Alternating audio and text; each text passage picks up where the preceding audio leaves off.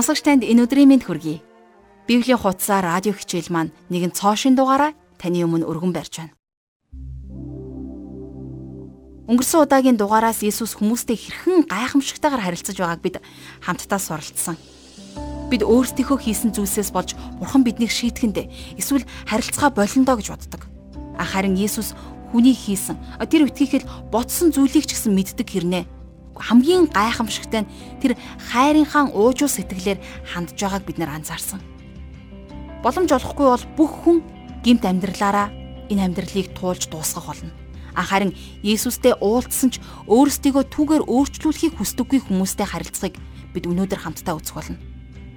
Хичээл сонсонгоо та бүхэн хэрэгцээтэй цагт зөв хүнтэй буруу ярихгүй гэсэн чухал зүйлийг дотроо бодоод бас хичээлдээ анхаарлаа хандуулаасаа гэж хүсэж байна. Ингээд багшийнхаа хичээлийг эхлүүлэхээс өмнө хамтдаа залбирцгаая. Бурхан минь бид танд талархаж байна. Та бидэнд хэрэгцээтэй үгийг өдөр болгон өгдөг учраас таны үг, таны хүслийн төлөө, таны хайрынтан төлөө талархаж байна. Та бидэнд агуу нэгүсэл төвчээрээр ханддаг.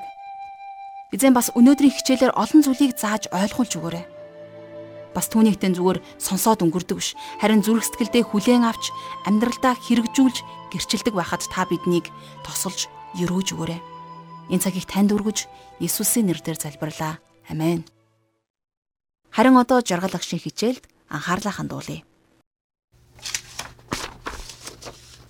За тэгэхээр шинэ гэрээ номны Матай бичсэн сайн мэдээний 22 дугаар бүлгээс өнөөдөр бид үргэлжлүүлэн үзэх болно. Тэгэхээр өнөөдрийн бидний хичээл Есүсийг сорьсон олон асуултуудаар эхлэх гэж байна. За эхлээд Есүс Херодийнханд асуултын хариуг хэрхэн өгснөөс хамтдаа суралцгаая. Тэгэхээр Херодийнхан буюу Херодийн талыг баримтлагчид өөрсдийн байр суурьтай хамаарх асуултыг Есүсээс асуухаар ирж байна. Тэд нэр Ромын болцлоос чөлөөлөгдөх арга замуудыг хайгч улс төрийн бүлгэн байсан юм. Тэд нэр шашны бүлэг болохыг хүсдэг мэт харагдагч үнэндээ бол тийм байгаагүй. Харин улс төрийн маш их хүчрхэг амбицтай тийм бүлэг байсан. За фарисеучуд гэж бүлэг байсан. А фарисеучуд хэдийгээр Херодийнхонтой тодорхой хэмжээгээр ханьсдаг байсан боловч за фарисеучуудын зарим нь Херодих байсан байх боломжтой. За ингээд фарисеучуд Есүсийг хэрхэн өдөө хатгасныг анхааралтай харцгаая. За энэ тухай Матай сайн мэдээ номны 22 дугаар бүлгийн 15-аас 17 дугаар эшлэл. Тэгээд фарисеучуд явж Есүсийн хэлсэн үгэнд нь яаж унгаахаа хамтдаа зөвлөлдөв. Тэд өөрсдийн шавнарыг Херодийнхантай хамт төөн рүү илгээж ингэж асуулгалаа. Багшаа, бид таны үнэнч хийгээд бурхны замыг үннээр заадгийгт нь хэнийг ч ялгарлдаггүй тул хинт ч тал застдаггүйг нь мэднэ. Тиймээс та юу бодож байгаагаа хэлээч. Бид Цэсарт албан татвар өгөх нь хуульд нийцэх үү? Эсвэл үгүй юу гэхэд. За энд төр зогсъё. Тэд Есүсийн бодлыг сонсохыг хүсээгүй. Учир нь яагаад үг гэхээр энэ зүгээр л тэрнийг сорихыг хүссэн асуулт байсан. Тэднэрт өөрсдөд нь аль хэдийнэ хариулт нь бэлхнэ байсан л да. Тухайн үед Ром Израилийг захирддаг байлаа шүү дээ. Хэрвээ Есүс Та нар Цэсарт татвар төлөх шаардлагагүй гэж хэлэх юм бол тэрээр Ромын эсрэг уран тэрсэлсэн болж буруу шаагдах байсан юм. А хэрвээ тэрээр тийм ээ та нар Цэсарт татвар төлөх ёстой гэсэн бол тэр жинхэнэ месиа байж чадахгүй байх байлаа. За ингээд тэд нар Есүсийг атсан шалаанд орууллаа гэж бодсон бололтой. Харин Библийн энэ хэсгийг харах юм бол за 18 дугаар эшлэлдэр Есүс тэдний хорон санааг мэдээд хоёр нүрд хүмүүсээ Та нар юунд намайг сорин вэ гэж асуусан байна. Тэгэхээр Есүс тэднийг хоёр нүүртэнгүүд гэж дуудсан. За үнэн дээр энэ бол тэдний жинхэнэ дүр төрх байсан юм. За 19 дэх эшлээс харах юм бол надад татварт өгдөг зоосыг үзүүлээд гэв. Тэд түнд нэг динар өгсөнд. За Есүс аль улсын мөнгийг ашигласныг анзаарах хэрэгтэй. Тэр яагаад өөрөөсөө мөнгө гарган жишээ татаагүй болоо гэж би энд үргэлж боддог. За магадгүй тэрэнд нэг ч зоос байгаагүй байх. За цааш нь харъя 20 дугаар ишлэл дээр. Тэр энэ хиний дүрс бичээс вэ гэж асуув. За тэгэхээр Тэр үед тэдэнд хууль ёсны төлбөрийн зоос буюу мөнгө нь Ромын мөнгөнд тэмдэгт байсан. За 21-р эшлэлдэр тэд түүнд Цэсарих гэхэд Есүс тэгвэл Цэсарийн имийг Цэсарт, Бурхны имийг Бурханд өг гэлээ гэсэн байна. За энэ хариулт бол зөвхөн тэдний асуултанд хариулаа зогссонгүй. За мөн илүү гүн гүнзгий утга санаа агуулсан гайхалтай хариулт байлаа гэж би хэлмээр. За нэмшилэхэд Есүс тэднийг Цэсарийн өмнө үүрэг хариуцлагатай шүү гэдгийг нь сануулж байна.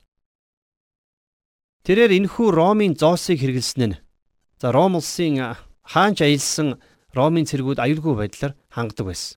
За тиймээс ч тэд нар Ромын өмнө үүрэг хариуцлага хүлээх болдог. Тиймээс Цэсарийн эмийг Цэсарт нөгөө гэж хэлсэн байна. За бас өөр нэгэн хэсэг байдаг. Юу хэлсэн гэхээр Бурхны эмийг Бурханд өг гэж бас хэлсэн. За 22 дугаар бүлгийн 22 дугаар ишлэлдэр ирж байна. Үүнийг сонсоод тэд мэл гайхаж түүнийг орхин одлоо гэсэн байна.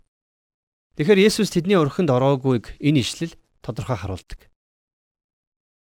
Хэдийгээр тэд нар Цэсар татвар төлөх үүрэгтэй ч гэсэн энэ бол Бурхны өмнөх үүрэг хариуцлагыг биелүүлэхгүй байх шалтгаан биш байсан юм.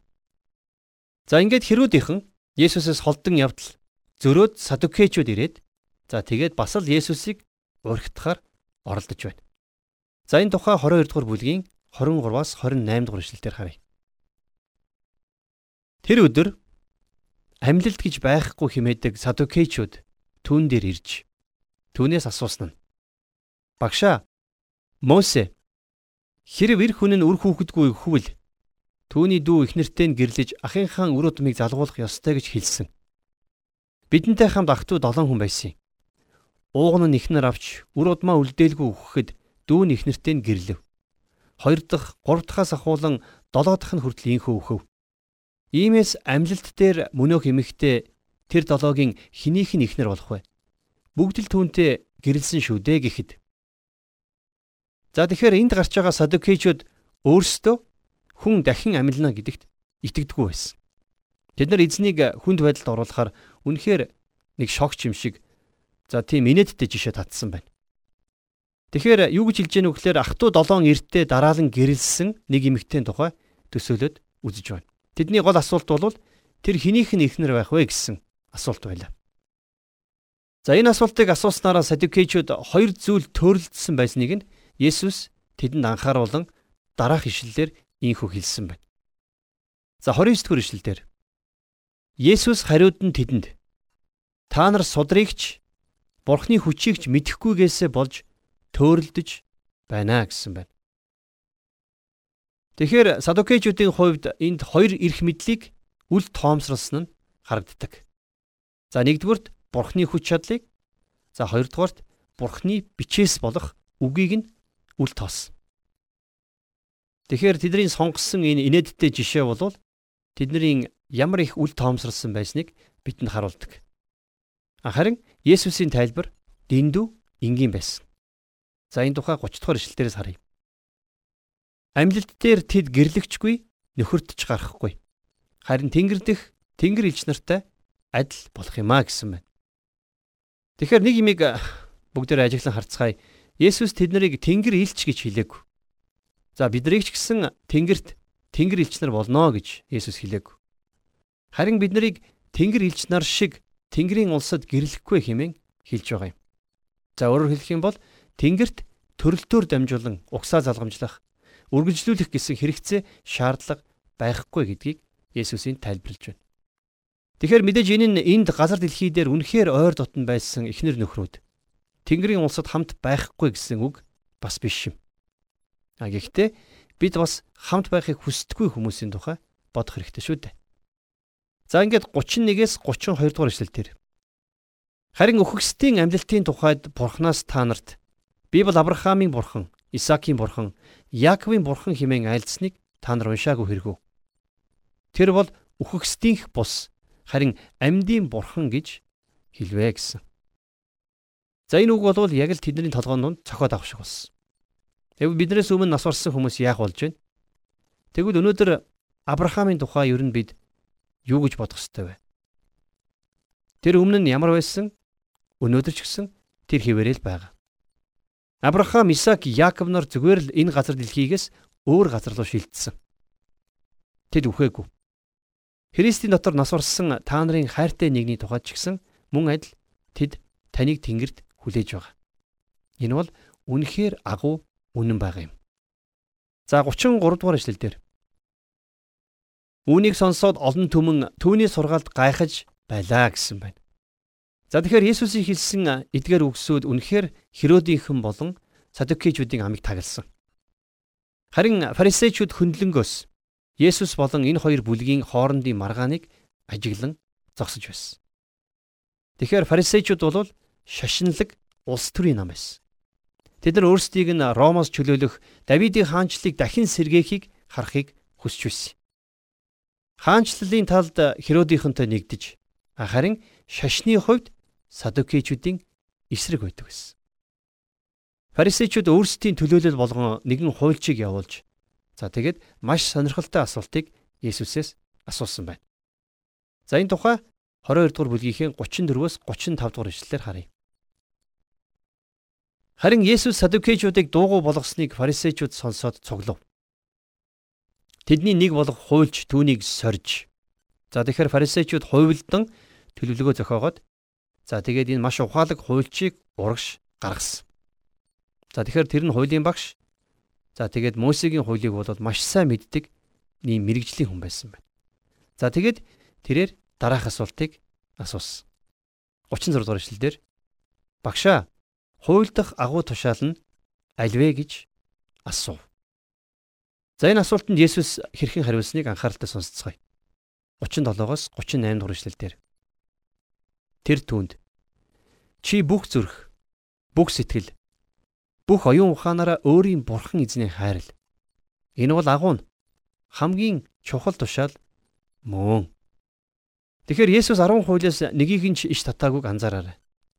За тэгээд түүний хэлсэн хоёр дахь нь юу байсан гэхлээр 39 дугаар эшлэлдэр удаах нь чи хөршөө өөрийн адил хайрл гэсэнтэй адил юм аа гэсэн байна. Дээр дурдсан хоёр тушаалыг хүн өөрийн амьдрал дээр мөрдөх үед хүн бурхны алдарт ойртон ирснээ ухаардгийг. Бидний эзэн Есүс энэ залуутай маш шулуухан ирсэн. Тэр хэлэхдээ чи аль нь хамгийн агуу тушаал болохыг мэдхийг хүсэж байна уу? Бурхныг хайрлах нь хамгийн агуу нь. Харин удаах нь хөршөө өөрийн адил хайрлаа гэсэн юм а гэж хариулсан байна. 40 дугаар эшлэл дээр Энэ хоёр тушаал дээр бүх хууль болоод иш үзүүлэгчд тулгуурладаг юм гэлээ. Тэгэхээр энэ хоёр тушаал үнэндээ Мосегийн бүх хуулийг нэгтгсэн товчлол байсан. Есүсийн хариулт бол зөв байсан нь илэрхий байна. Хэрвээ фарисеучуд үнэхээр үнэнч байсан бол тэд бид унсан байна, бид буруутсан.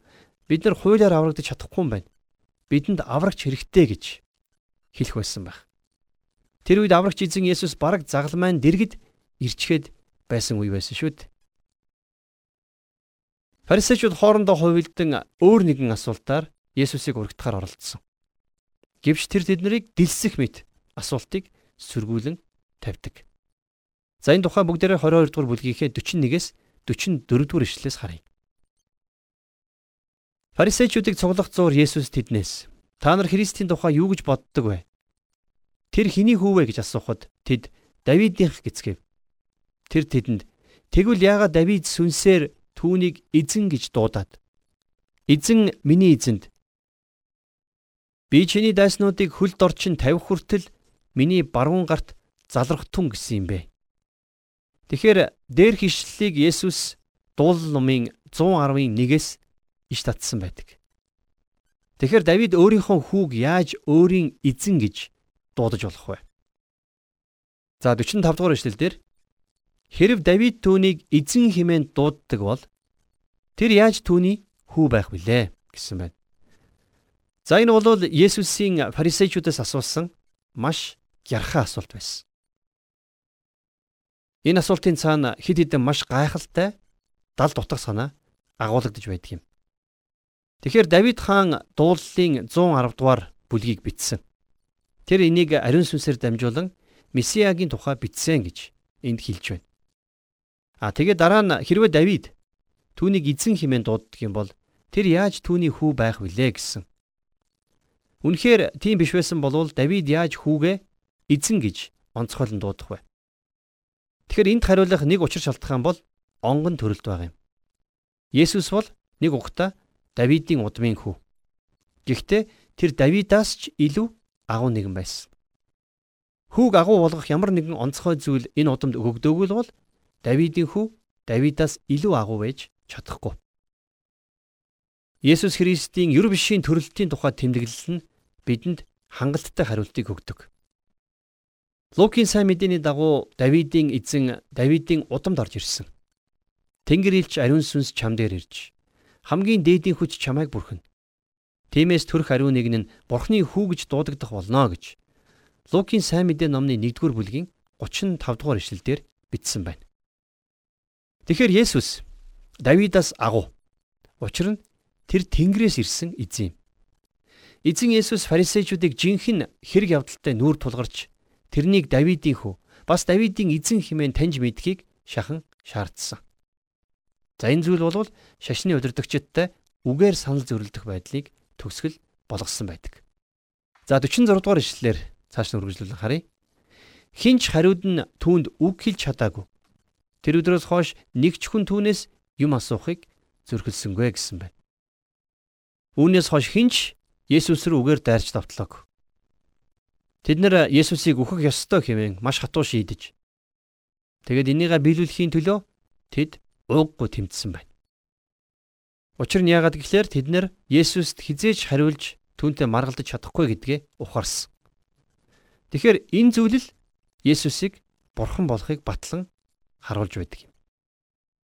За ингээд хамтдаа Матай номынхон 23 дугаар бүлгийг нээцгээе. За энэ бүлэг бол Есүс болон шашны удирдагчдын хоорондын мөргөлдөөнийг дуусгасан бүлэг.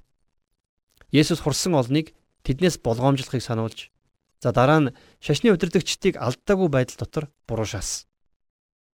Есүсийн амнаас урд өмнө ийм ширүүн хатууг гарч байгаагүй. Энэ нь хайр инэрлгүй зэмлэл байсан. Тэгэхээр хэрвээ та энэ бүлгийг анхааралтай унших юм бол таны дотор өөрийн эрэхгүй эвгүй болж чичрэх байх. Есүс фарисеучуудыг олонний өмнө буруудгсан энэ үйл явдал бол Есүсийн дайснуудын бат цайз болцсон байсан сүм дотор болсон юм. За ингээд хамтдаа Матай номынхон 23 дугаар бүлгийн 1-ээс 2 дугаар ишлэгийг гаргацгаая. Тэгээд Есүс цугласан олон түмэн болоод шавнартаа айлцсан нь. Хуулийн багш нар фарисеучуд Мосегийн суудалд суужээ. За эдгээр шашны удирдагчид эрх мэдэлтэйгээс гадна хуучин гэрээний бичээсүүдийг хяндаг байсан. Тэд нар булаах ёсгүй боловч булаадаг. Олон олон хүмүүс үннийг ойлгож мэдхийн тулд тэднийг л дагдаг байсан. Харин 3 дугаар эшлэлдэр Иесус хэлэхдээ Тимээс тэдний хэлсэн болгоныг та нар үлд. Учир нь тэд ярьдагч түүнийг үлддэггүй. За энэ нь бичээс юу гэж хэлснийг үлд. А гэхдээ хуулийн багш нар болон фарисеучуудын үйлдэлийг битгий дагаарай гэж хэлсэн байна. Учир нь яагаад гэвэл тэд нар бурхны үгийг гуйвалдаг хүмүүс байсан юм. Шашны удирдагчдын тухай хэлсэн Есүсийн харамсалтай тайлбарыг одоо үргэлжлүүлэн харцгаая. За 23 дугаар бүлгийн 4-өөс 7 дугаар ишлэлдэр Тэд хүнд ачаанууд баглаж хүмүүсийн мөрөн дээр тавьдаг атлаа. Өөрсдөө тэр ачаанд хуруугаач хүрэхийг хүсдэггүй. Харин тэд хамаг үйлсээ хүмүүст харуулахын тулд хийдэг. Тэд магнайн ба гарын сахиусаа өргөсгөж унжилгаа уртсгадаг. Тэд найр наадмын тэргүүн игнэнд синагогуудад тэргүүн суудалд суух зах зээл дээр хүндлүүлэн мэдлүүлэх багшаа гэж хүмүүсээр дуудуулах дуртай ажээ гэсэн байна. За иймэрхүү хүмүүс хэрэгэм зэрэгт их дуртай байдаг. Тэгээд бас бусдаар хүндлүүлэх дуртай. Тэгээд тэд нар бас шашны онцгой өмсгөлөөр гойж Тэгээд бусдаас ялгархын тулд янз бүрийн зан заншлыг үйлдэж өөрсдийнхөө өндөр дээд байр суурь руу хүмүүсийн анхаарлыг татахыг оролддог. Тэгэхээр Есүс энэ бүх шашинлаг байдлыг буруу шаасан. За 8 дугаар ишлэл дээр харин та нар багшаа гэж битгий дуудвал та нарын багш ганц. Та нар бүгд ахан дүүс билээ гэсэн байна. Та нар багшаа гэж битгий дуудуул гэж хэлж байгаа энэ үгэн дээр раби гэдэг үг ашигласан. Раби гэдэг үг нь багш гэсэн үг. Хэдийгээр чуулганы пасторт онцгой эрх хүндлэл өгөгдөг ч гэсэн тэр та нарын л нэг адил юм. Тэр бол та нарын бидний ахын дүүс гэсэн үг. За 9-оос 10 дугаар ишлэгийг харцгаая.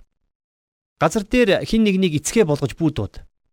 Учир нь та нарын эцэг ганц. Тэр тэнгэрт байгаа. Та нар удирдагчд гэж битгий дуудвал та нарын удирдагч ганц. Тэр нь Христ юм гэсэн байна. За эцэг бол амьдралыг бэлэглэгч. Альва сүнслэг шалтгааны улмаас хин нэг хүнийг эцэг гэж дуудах нь түүнийг бурхны байр сууринд тавьж байгаатай адилхан. Энэ бол гутамшигтай байдал. Зөвхөн бурхан эцгэл амийг өгдөг. За тэгээд цаашлах юм бол багш гэдэг нь эрх мэдэл тодорох байр суурийг хэлж байна. Христ чуулганы тэргүүн байдаг шиг Тэр бас эрх мэдэлтэй нэгэн юм а гэдгийг энд хэлж байна. За 11-ээс 12 дугаар ишлэлдэр Харин та нарын дундах хамгийн агуун зарц болог. Өөрийгөө өргөмжлөгч нь дорд болгох бөгөөд өөрийгөө дорд болгогч нь өргөмжлөгдөх болно гэсэн байна. Тэгэхээр хэрвээ та агуун нэгэн болохыг хүсэж байгаа бол бусдын үйлчлэгч зарц нь болоорой.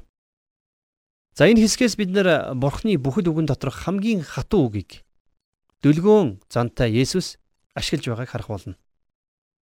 Есүсийн буруу шаалт зэмлэл шиг гим алдааг хуучин гэрээний ямар ч зүнж хилж байсангүй. Тэгэхээр яг одоо орчин үед эзэн Есүс гэж яг хэн болох талаар зөндөө олон буруу ойлголтууд байсаар байна. Есүсийн талаарх ойлголтууд ихэнх нь Библийн биш байна. Библи бол бидэнд байгаа цорын ганц баримт бичиг. Тэгээд Библиэд Есүс бол онгон эмэгтэйгээс төрсөн. Тэр бас гайхамшигыг үлдэж байсан. Тэгээд дэлхийн гим нүглийн төлөө нас барсан. Тэгээд дахин амилж Тэнгэрүүд олон энэ дэлхийг шүүхийн тулд дахин эргэж ирнэ гэдгийг хэлдэг. Тэгвэл Есүсийн талаар хүмүүс өнөөдөр ч гэсэн буруу ойлгосон хэврээл байна. Тэр бол жинхэнэ Христ буюу аврагч мөн. За харин одоо дараагийн ишлэл дээр Есүс хуулийн багш нар болон фарисеучуудын дээр гай зовлон тунх гэлж байна. За бүгдээр энэ ишлэлийг харцгаая. 23 дугаар бүлгийн 13 дугаар ишлэл дээр. Гэвч хоёр нүрд хуулийн багш нар болон фарисеучуд та нар золгүй. Юу гэвэл та нар хүмүүсээс Тэнгэрийн хаанчлыг хаадаг. Та нар өөрсдөө ордогчгүй орох хүмүүсийг ч оруулдаггүй байна гэсэн байна. Тэгэхээр Есүс энэ хэсэгт золгүй ээ гэдэг үгийг 8 удаа хэрэгэлсэн бол фарисеучуд садукеичүүдийг хоёр нүрд хэмээн 7 удаа нэрлсэн байдаг. Есүс тэднийг өөрсдийнхөө худал байдлаар дамжуулан хүмүүсийг Тэнгэрийн улс руу ороход нь саад болдог хэмээн буруушаасан. 23 дугаар бүлгийн 14 дугаар эшлэлдэр Хоёр нүрт хуулийн багш нар фарисеучуд та нар золгүй ээ. Юу гэвэл та нар бэлэвсэн эмэгтэйчүүдийн гэрийг цөлмдөг атлаа удаан залбирах дүр үзүүлдэг тул та нар илүү хүнд шийтгэл хүлээн гэсэн байна. За өөрөөр хэлэх юм бол тэд нар маш удаан залбирч байгаа мэд дүр эсгэгдэгч үнэн дээр өөрсдийн ашиг сонирхлын төлөө шудраг биш цэвдэг сэтгэл гаргадаг гэсэн үг. За 15 дугаар эшлэлдэр Хоёр нүрд хуулийн багш нар фарисеучуд та нар золгүй ээ. Юу гэвэл та нар ганц хүнийг ч гэсэн сүсгтнээ болгохын тулд тэнгис газаргүй хөндлөн голд явдаг. Түүнийг сүсгтэн болоход та нар түүнийг өөрсдөөсөө хоёр дахин дор тамийн хүү болгодог ажээ гэсэн байна. Тэгэхээр хуулийн багш нар болон фарисеучуд хөндлөн голд явж гэрчлэгтэй гарамгай боловч хэнийгч бурхан дээр авчирдаггүй. Тэдний харуулдаг өөрчлөлт үнэндээ дахин төрөлтийн өөрчлөлт биш. Харин махан биеийн өөрчлөлт байдаг. За 23 дугаар бүлгийнхээ 16 дугаар ишлэлдэр Сохор газарчдаа та нар золгүй ээ. Та нар хин сүмээр тангаргална тэр нь юу ч биш. Харин сүмийн алтаар тангарлагч түүнд үүрэг оногдгоо гэдэг. За түүнд үүрэг оногдгоо гэж хэлсэн энэ үг нь тэр тангарагтайгаа холбогдож байна гэсэн үг байна. За 17-оос 18 дугаар ишлэлдэр мунхаг сохор хүмүүсээ аль нь илүү чухал вэ? Алтуу эсвэл алтыг ариусгадаг сүм үү? Хин тахтын ширээгээр тангаргална тэр нь юу ч биш. Харин дээрх өргөлөөр нь тангарлагч түүнд үүрэг оногдгоо гэдэг. За энэ нь хэрвээ тэр тангараа биелүүлэхгүй бол буруутна гэсэн утга санааг илэрхийлж байна. За цааш нь харъя 19-с 22 дугаар ишлэл. Сохор хүмүүсээ аль нь илүү чухал вэ? Өргөл үү? Эсвэл өргөлийг ариусгадаг тахилын ширээ юу? Иймээс тахилын ширээгээр тангаргалагч нь тахилын ширээгээр болон дээр нь байгаа бүхнээр тангаргалж байгаа юм. Сүмээр тангаргалагч нь сүмээр болон түүн дотор оршдог түүгээр тангаргалж байгаа юм. Тэнгэрээр тангаргалагч нь бурхны сэнтигээр болон дээр нь залрагч түүгээр тангаргалж бууй гэсэн байна. Фарисеучуд хэрвээ чи сүмээр болон тахилын ширээгээр тангаргалах юм бол чи өөрийн тангарагтай холбогдохгүй. Харин хэрвээ чи сүмийн алтаар Эсвэл тахилын ширээн дээрх өргөлөөр тангарах юм бол тангарахтайгаа холбогдох болно гэж сургадаг байсан. Мэдээж ингэж хэлснээрээ тэд нар зүгээр л дүр эсгэгч нар байсан. Тэд нар сүнслэг зорилгын төлөө хэрэглэдэхээс илүүтэйгээр материаллык зүйлд илүү шунаж анхаарлаа хандуулдаг байсан юм.